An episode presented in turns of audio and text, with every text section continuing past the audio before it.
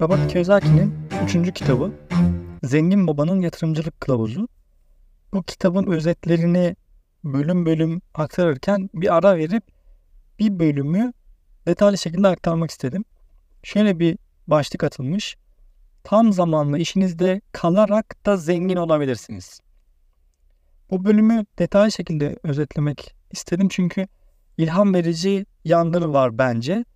Yani zengin olmayı istemiyorlara bile hatta burada anlatılacak yöntemi kullanıyor olanlara bile ilham vereceğini düşünüyorum. Faydalı olduğunu düşündüğüm için ayrıca aktarmak istedim. Sonrasında özetlere devam ediyor olacağız.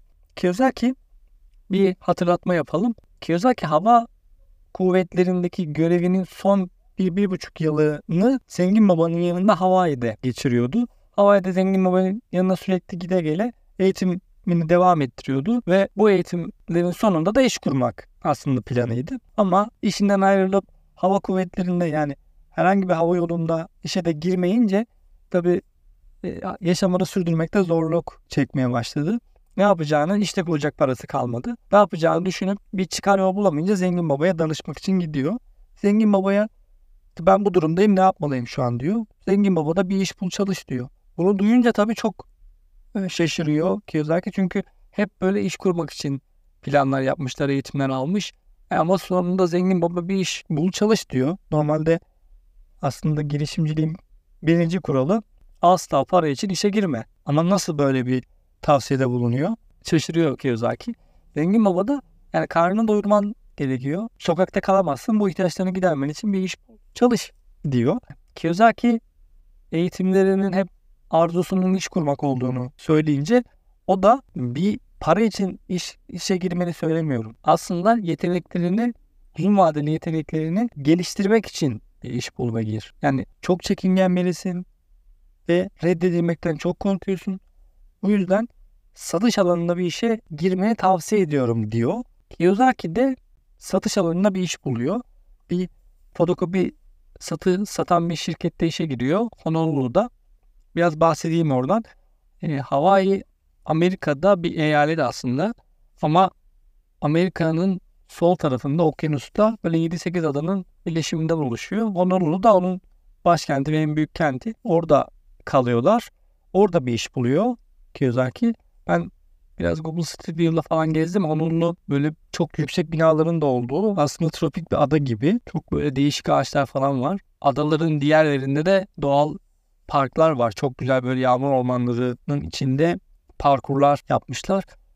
İnanılmaz böyle film sahnesi gibi e, o, o ormanın içerisinde ahşap yoldan ilerleyebiliyorsun. Gerçekten insanın keyif alabileceği bir, bir yer. Şu anda gidilip her mevsim muhtemelen ziyaret edilebilir. Gördüğüm kadarıyla 10-12 bin lira civarında bir parayla da iki kişi gecelik konaklanabiliyor. Böyle okyanusa sıfır havuzlu otellerde 10-12 bin civarında konaklama mümkün ama tabii şey Amerika'ya da uzak biraz. Ulaşımı biraz problemli olabilir tabii.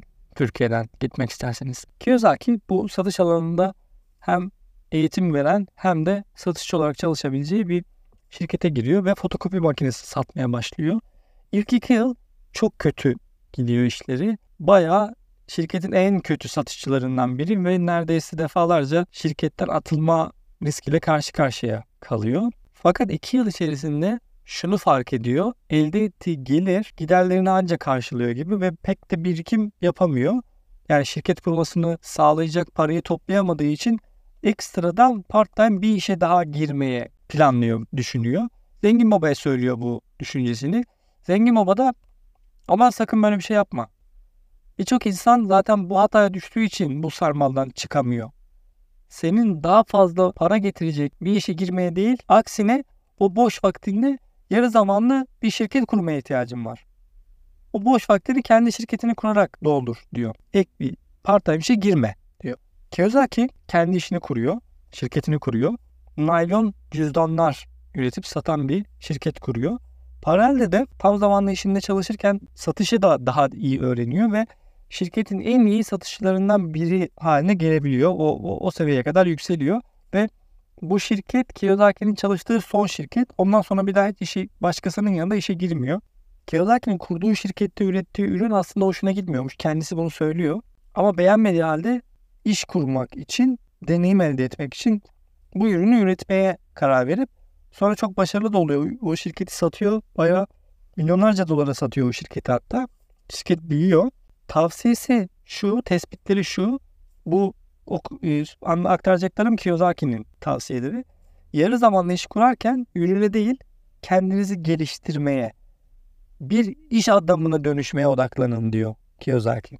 Eşsiz bir ürün bulmaya, yapmaya, fikri bulmaya uğraşmayın. Asıl eğilmeniz gereken konu eşsiz bir iş adamı olmayı öğrenmeniz için bir iş kurmanız diyor. Yani edinmeniz gereken yetenekler var. Bu yetenekleri edinmeniz için iş kurmanız lazım. En iyisi bu. Çünkü kitaplar okuyarak, kurslara giderek öğrenemeyeceğiniz şeyler verecek size diyor bu iş kurma. Ki zaten Dell, Amazon gibi firmalar da part-time olarak başlamıştır diyor. Orada detaylı şekilde de aktarıyor firmaların hayat hikayelerini. Yine Kiyosaki'nin bazı tavsiyeleri daha var. Bu iş kurmayla ilgili part-time olarak. Çoğu kişi kendi işini kurma hayali kurar ama başarısız ol- olma korkusuyla bunu asla yapamaz. Bazıları zengin olmayı hayal eder ama deneyim ve yetenekten yoksun oldukları için asla olamazlar. Evde yarı zamanlı bir iş kurmakla kazanabilecek paha biçilemez iş becerileri vardır diyor. Bu sayacaklarım Kiyosaki'nin cümleleri. Kiyosaki'nin tavsiyeleri. 1. İletişim yeteneği kazanırsınız. 2. Liderlik yeteneği kazanırsınız. İşin durumuna göre. 3. Ekip çalışması ortamı görürsünüz. Yine işin durumuna göre tek değilseniz. 4. Vergi yasalarını öğrenirsiniz. Yine Türkiye'de de bu geçerli. 5. Şirket hukuku öğrenirsiniz. Şirketler arası iletişim kurmak zorunda kalacağınız için büyük ihtimalle şirketin gelir yaratması için burada şirketler arasındaki iletişimi öğrenirsiniz. Hukuku öğrenirsiniz. Menkul değerler yasası bu Amerika'ya özel bir isimlendirme olmuş ama Türkiye'de de benzer şeyleri öğrenmek zorunda kalırsınız.